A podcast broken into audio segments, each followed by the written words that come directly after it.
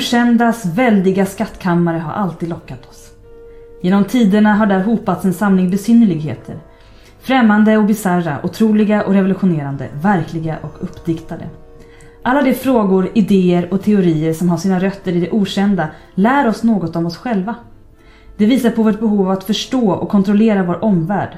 Vår vilja att nå utöver den nuvarande kunskapens gränser. Vår önskan att besitta egenskaper och krafter som naturen inte tycks medge. Vår önskan att övervinna döden. Välkomna till eh, år 2016 tillsammans med eh, Saker jag har hört. Välkomna! Ja. Med mig, Emily. Och mig, Freja. Och det som jag läste nu var ett förord från eh, boken In i det okända. Som jag tycker kan vara vår signaturbok. Ja, För våran, det här våran året. ledtext Ja. genom året. Och på framsidan så står det, sit, det står en grupp människor som liksom tillber på något sätt och dansar framför en djävulsgestalt sittandes på en tron. Och sen så står det under Atlantis, alkemi, astrologi, demoner, ESP, hypnos, häxor, magi, medier, monster, parapsykologi, reinkarnation, spådom, spöken, telepati, ufo, varsel, varulvar och voodoo. Det är väldigt skönt att de står i bokstavsordning. Så att man kan förbereda sig mentalt på vad som kommer. Framförallt är det jätteskönt att det är bokstavsordning. ja. Eh, vi, vi har blivit inspirerade Ja, kan man säga. det har vi. Och nu har vi spilt öl på blocket som vi har skrivit eh, våra inspirerande våra anteckningar på. Ja. Och högst, högst upp på den här listan så står ju Atlantis. Där började vi ju spåna loss Ja. be- behind the scenes så att säga. Men varför började vi? Det var ju du som berättade Ja, någonting. Du hade hört något? Jag hade hört något. Jag har ju hört om platsen eh, som vi kallar för Vasaplatsen. Ja, Vasastan. Vasastan helt enkelt. Och Här i Göteborg. här i Göteborg så finns det ett ställe som heter Vasastan som är en massa pampiga 1800-tals eh, stenbyggnader. Men mitt i detta område, så på ena sidan så finns liksom Avenyn och på andra sidan av det här området så finns Haga och i mitten så ligger Vasaplatsen. Och Vasaplatsen är en ganska olycksdrabbad plats. Ja. Det finns, har hänt hemska olyckor till exempel med spårvagnar och sådär. Det var en spårvagn som spårade ur. Tapp, Mm. bromsarna slutade fungera. Den skenade ner för en lång backe och spårade ur och många människor dog. Ja. Eh, det, är väl, det, är mycket, det är en konstig korsning där också. Det är, Det är en svårt att se. korsning. Det är ofta människor som påkörde. Alltså rent eh, logistiskt så är det inte, tycker jag, som inte kan någonting om vägplanering alls överhuvudtaget, men när jag spånar loss här, jag tycker inte att den är helt, det är inte en helt logisk trafikplats. Nej. Men jag har också tänkt på en alternativ förklaring till det här. Det fanns nämligen en, eh, en bebyggelse där som, eh, som inte tillhörde Göteborg. Som, börj- som började, nu kommer min katt här. Eh, som, som började någonstans runt 1600-1700-talet så började den här obebyggda ytan att, att eh, bebyggas helt enkelt Befolkas av av människor. människor. Befolkas av människor som byggde bostäder och, och levde, levde där helt enkelt. Och på den tiden så var det utanför vallgraven av Göteborg. Det vill säga det var inte Göteborg. Det utan var det var landet utanför. Eh, landet utanför ägdes... Och, ja, Där går det inte. Det går inte med katten. Det går inte med katten. Där- du får inte vara där just nu. Kom! Så. Min katt ville vara med på podden. Eh, På den tiden så var det utanför vallgraven. ja. Ja. och utan, marken utanför ägdes av den svenska staten. Kronan. Kronan, kungen helt enkelt. Eller regent för tillfället. I alla fall så bodde det en massa människor där. Men runt 1800-talet så kom man ju på att det vore kul att ha ett litet lyxigt område. Lite fräscha stenbyggnader och så. Så man började successivt bygga från ytterkanterna. Så det som var närmast området som vi kallar för Haga i Göteborg och, Avenyn började bebyggas med stora pampiga 1800-tals palats och komplex. För det var liksom, det var två områden som var lite bebyggda. Och sen så fyllde de ut utrymmet mellan dem. Och, Precis. ut, och då trängde de bort de som bodde där. Man började så kallat avhysa, alltså man motade bort dem, rev deras hus och betedde sig allmänt illa. Samtidigt som man förflyttade de här människorna så raderade man också ut dem ur historien. Man ville liksom inte registrera att de här, den här bebyggelsen eller den här man kan nästan säga det som en by. De hade liksom post, jag tror till och med att de hade postkontor och så. Eh, man ville inte registrera att den här befolkningen fanns.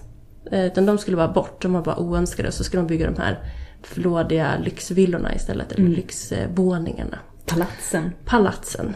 Eh, och då har jag då två teorier knutna till den här bortrensade bebyggelsen. Och den ena är ju att andar från de här personerna som bodde i den här tidiga bebyggelsen hemsöker Vasaplatsen. För det var den sista platsen, det var den liksom som, där de ihopträngda människorna vistades längst. Det var den sista utposten. Utposten, precis.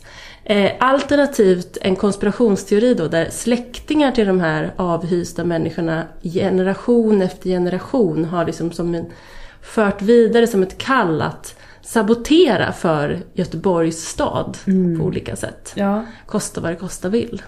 Det är också där de har spontant råkat, eller råkat, men börjat eh, hugga ner träd i allén. Det var några år sedan, typ tre år sedan, som de plötsligt började såga ner träd.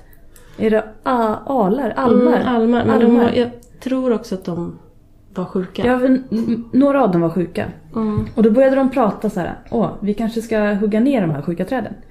Och så sa de, ja det får vi diskutera. Och innan det togs ett beslut så började de såga ner. Beslutet var inte taget. Och de sågade inte ner de sjuka träden utan de började bara avverka träd. Mm. Någon, någon liksom gav en liten order utan att egentligen ha eh, mandat att göra det. Någon inom Göteborgs stad satte en sten i rullning. Ja, och sen så, så bara whoopsie daisy. Och sen så plötsligt var tre träd, mm. eh, almar från 1800-talet, nersågade för alltid.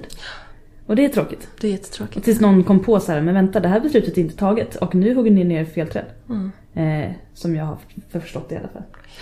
Eh, så då slutade de. Men nu är det ett glapp i allén och det är tråkigt. Det vore fascinerande att se om det finns några, några registrerade olyckor eh, i sammanhanget eller, eller glapp i trafiken. Om, om andarna blev extra arga när de här almarna misshandlades eller... Kanske ville Göteborgs stad liksom få bort andarna. Kanske bor andarna i träd. Det trodde ju Strindberg. Ja, trädandar. Ja, molnandar och trädandar. Ja.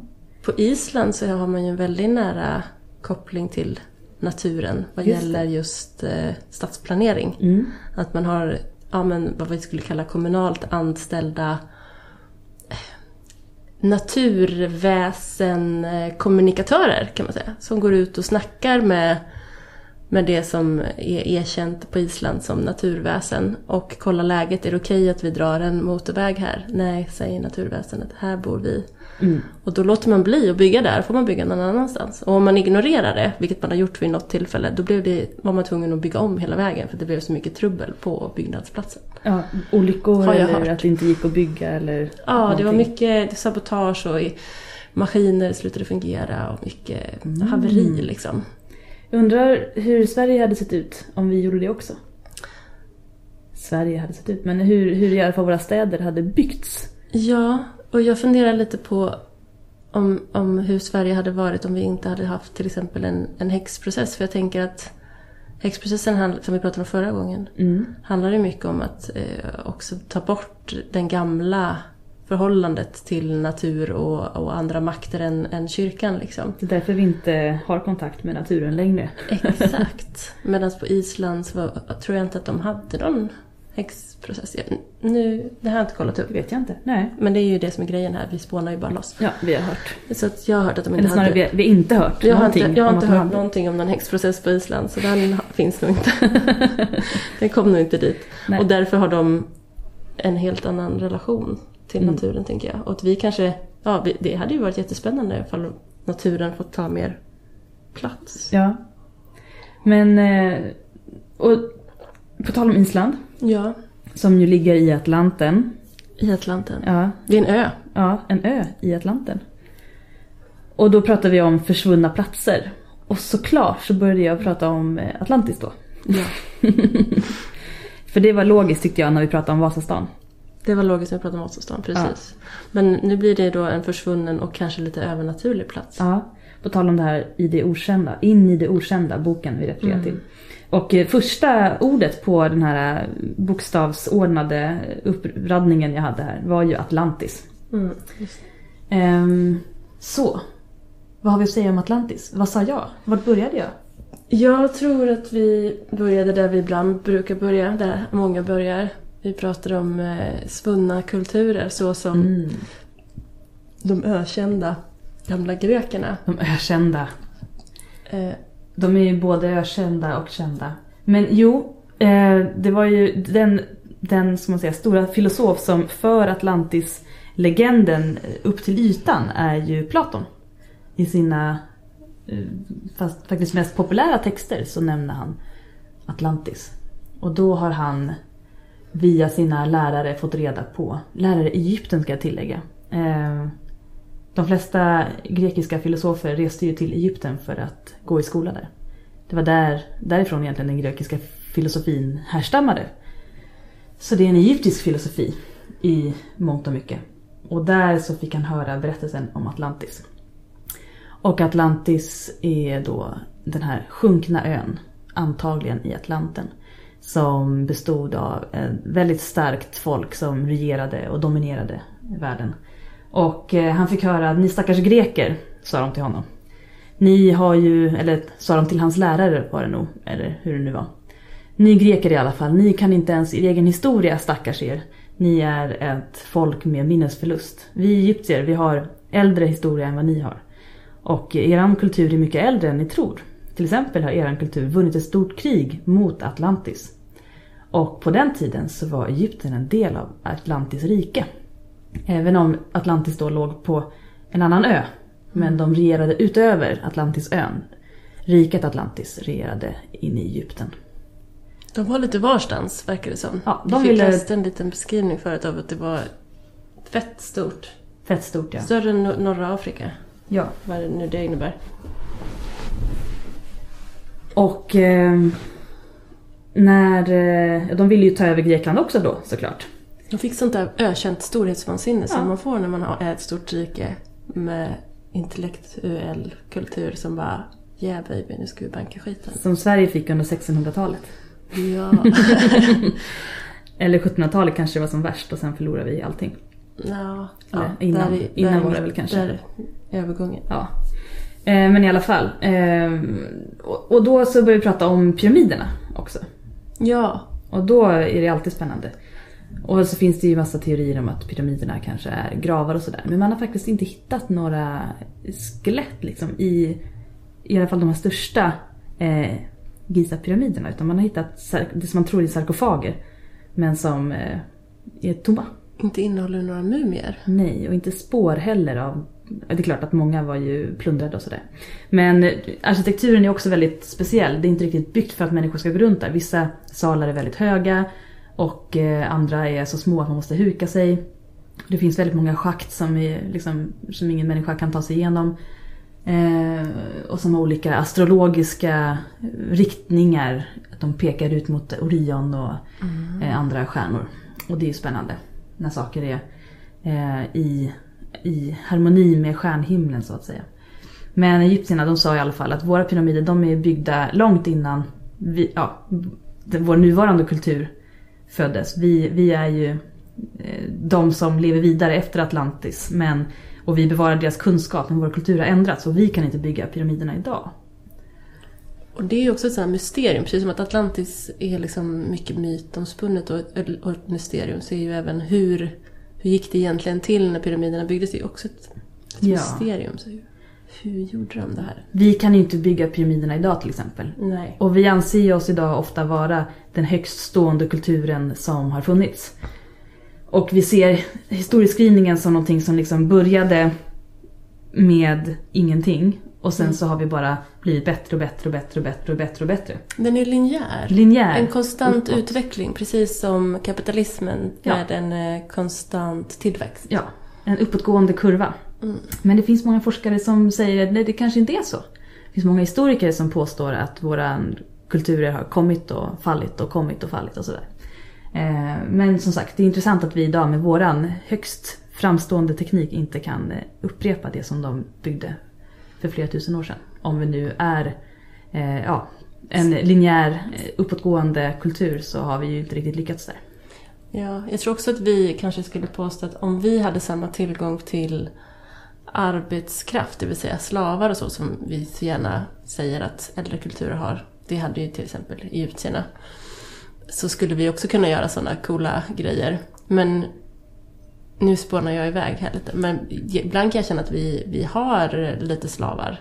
Det är Ja. bara det att vi ger dem en krona och giftiga tyg att sy på och färga i Asien Ja. istället. Och sen så erkänner vi inte att de är typ livegna. Om man ser under det det som- kapitalistiska systemet. Precis, om man ser vår kultur som global så har vi absolut slavar. Mm. Men inte ens om vi hade så många slavar som de hade då. Skulle vi fatta hur vi skulle göra? Nej, de eh, har till exempel många stenblock som väger för många ton för våra maskiner.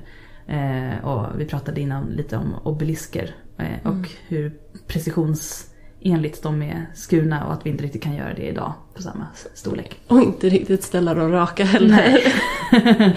Den här kända obelisken i Vatikanen som står på det stora torget som vi inte kommer ihåg vad det heter. Fram, framför Vatikanen. Ja, det är, den obelisken är sned till exempel, vilket är väldigt pinsamt och roligt. Mm. Men i alla fall, det är intressant. eh, Och då så, ett av de här, ehm, vad heter det, argumenten då, eh, som talar mot våran populär historiska skrivning, är ju sfinxen. Och sfinxen har ju spår av vattenerosion. Och många påstår att sfinxen är mycket äldre än de stora pyramiderna i Giza. Eh, och att den är, ansiktet är omhugget. Och därför är ansiktet, har inte ansiktet spår av eh, vattenerosion lika mycket som kroppen. Men att kroppen antagligen byggdes någon gång då Egypten inte hade ökt öken någonstans. Utan att det var liksom tropiskt regnskogsklimat. Och att det regnade väldigt mycket på Sfinxen och därför ser vi väldigt mycket spår av vattenerosion. Alltså mycket äldre än vi tror. Det tycker jag är intressant. Det är intressant. Mm. Eh, och det talar också för att eh, ja, vi vet ju att världen har sett annorlunda ut.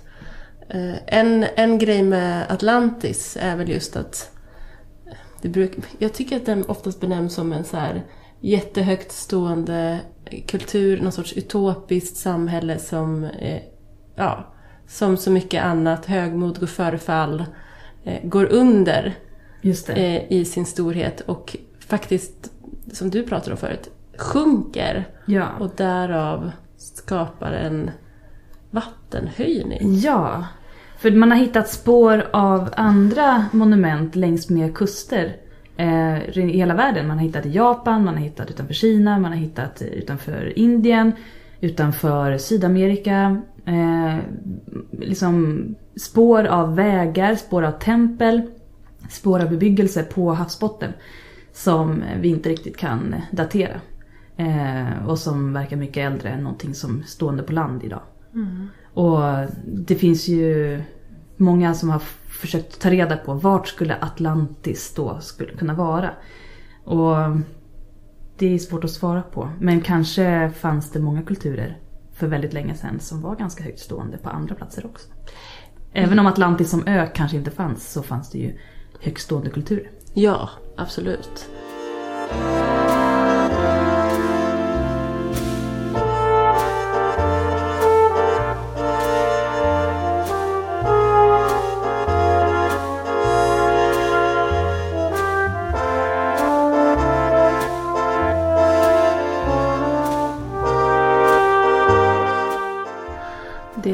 Också. Och just den här idén om, om oss som så här eh, superior, alltså den högsta kulturen, känns så... Den känns lite farlig. Det känns också som ett sånt där högmod som går, går före fall. Att vi skulle vara så mycket bättre. För jag tänker på saker som har upprepat sig. Mm. Eh, att att eh, saker och ting är mer eh, som en cirkel än, än linjära. Och apropå civilisationer som ja, blir utsatta i alla fall för angrepp. Kommer jag tänka på Ryssland. Ja, just det. utraderade platser. Utraderade platser. Ja. Eh, Ryssland har ju varit bra på att radera sina egna platser. mm, uradera sig själv. Exakt.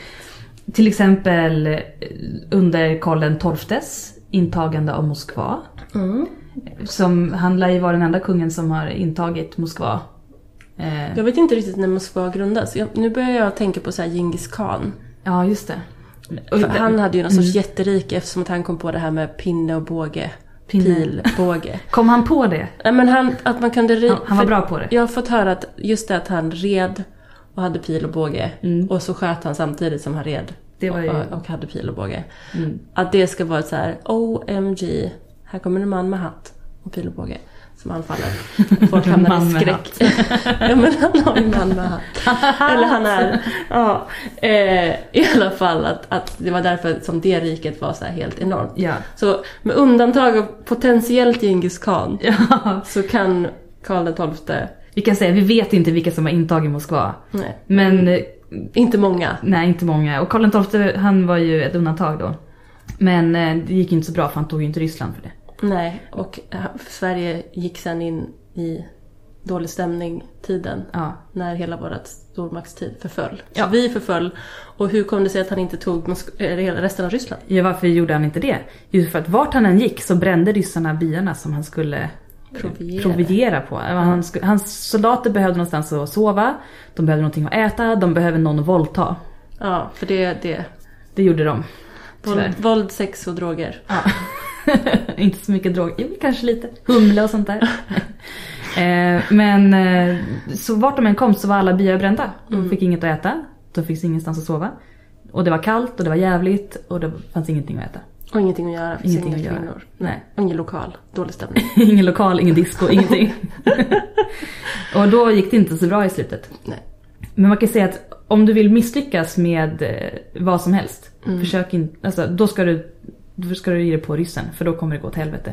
För det här är inte enda gången de har gjort det utan även när Napoleon kom så började de bränna byar vart han gick. Och eh, när Hitler kom, ja då brände de byar vart han gick. Alltså ryssarna har verkligen upprepat samma grej om och om igen och de vet att det funkar. Det är så smart. Och det är så konstigt att inte resten av världen bara... De kommer att bränna byar. Bara gör det inte. Det är, som att de, det är som att de aldrig har spelat risk. Ja, det är verkligen så.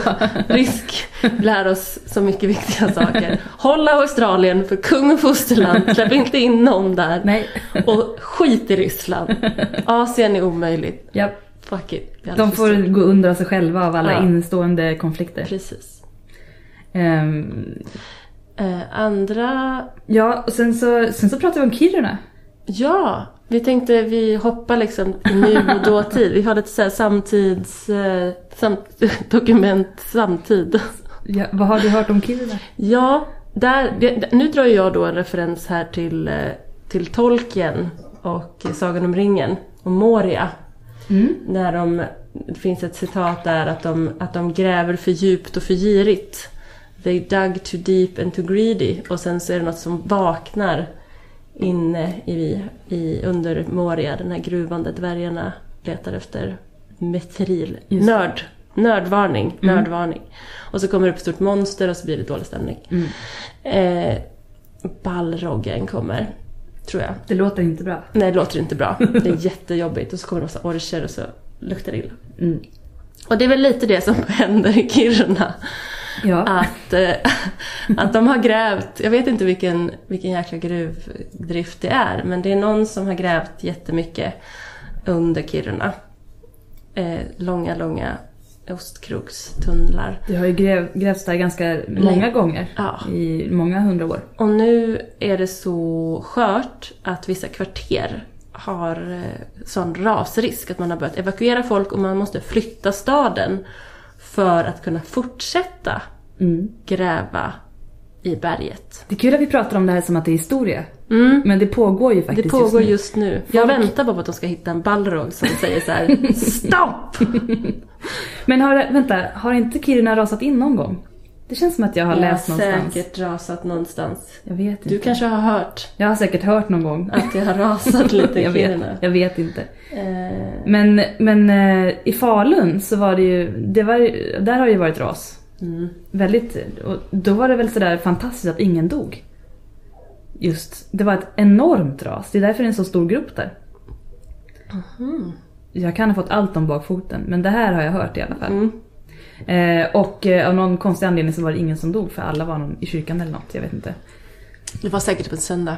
Jag tror det. Ett Eh, mirakel. ett mirakel antagligen. Mm. Men det, när Linné skulle besöka Falun på sin Sverigeresa, en av sina Sverigeresor, då beskrev han ju Falun som helvetet på jorden.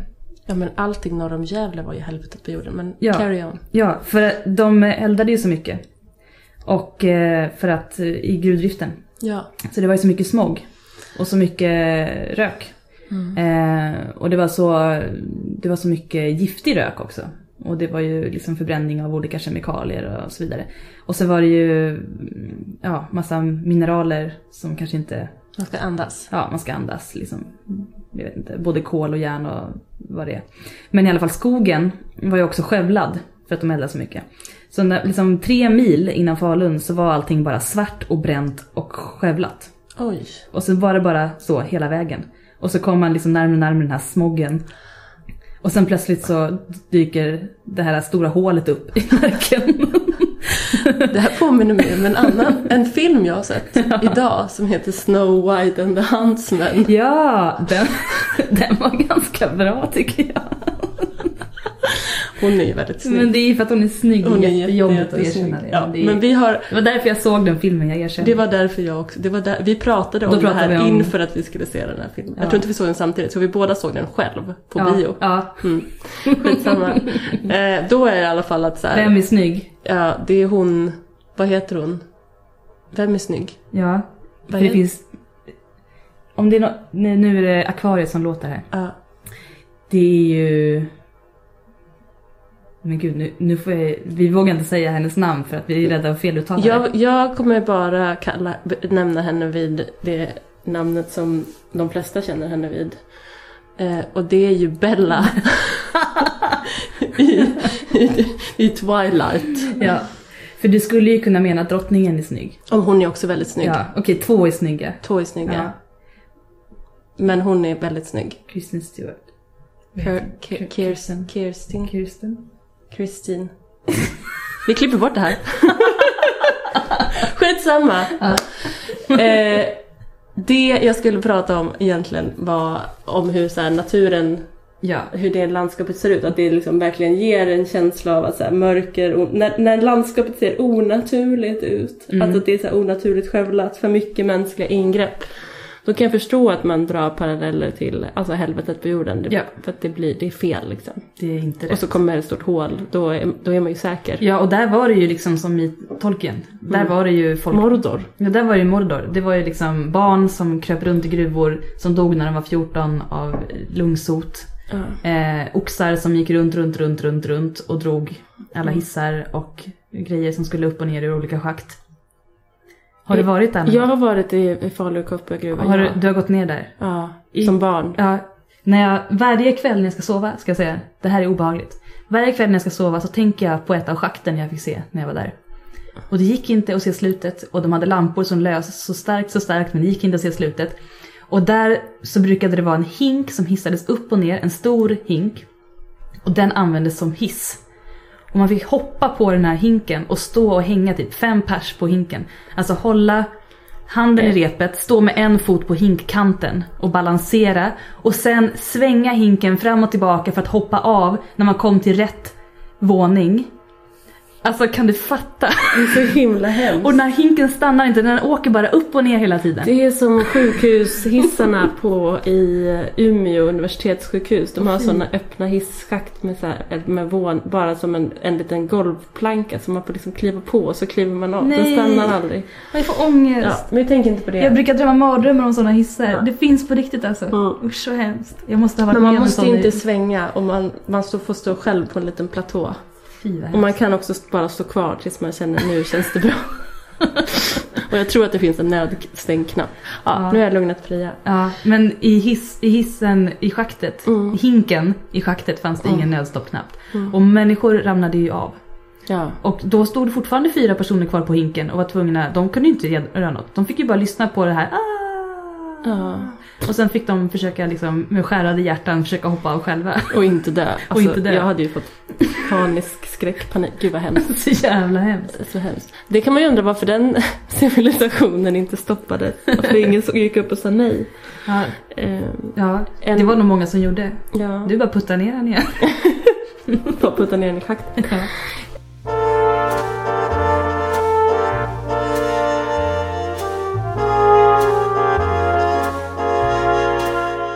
Eh, en, en plats som ligger, nu återvänder vi till Göteborgstrakten. Eh, en plats som, eh, som eh, skövlades som beskrivs som ganska idyllisk var en eh, så kallad föregångare. Jag tror vi kanske har berört det här förut.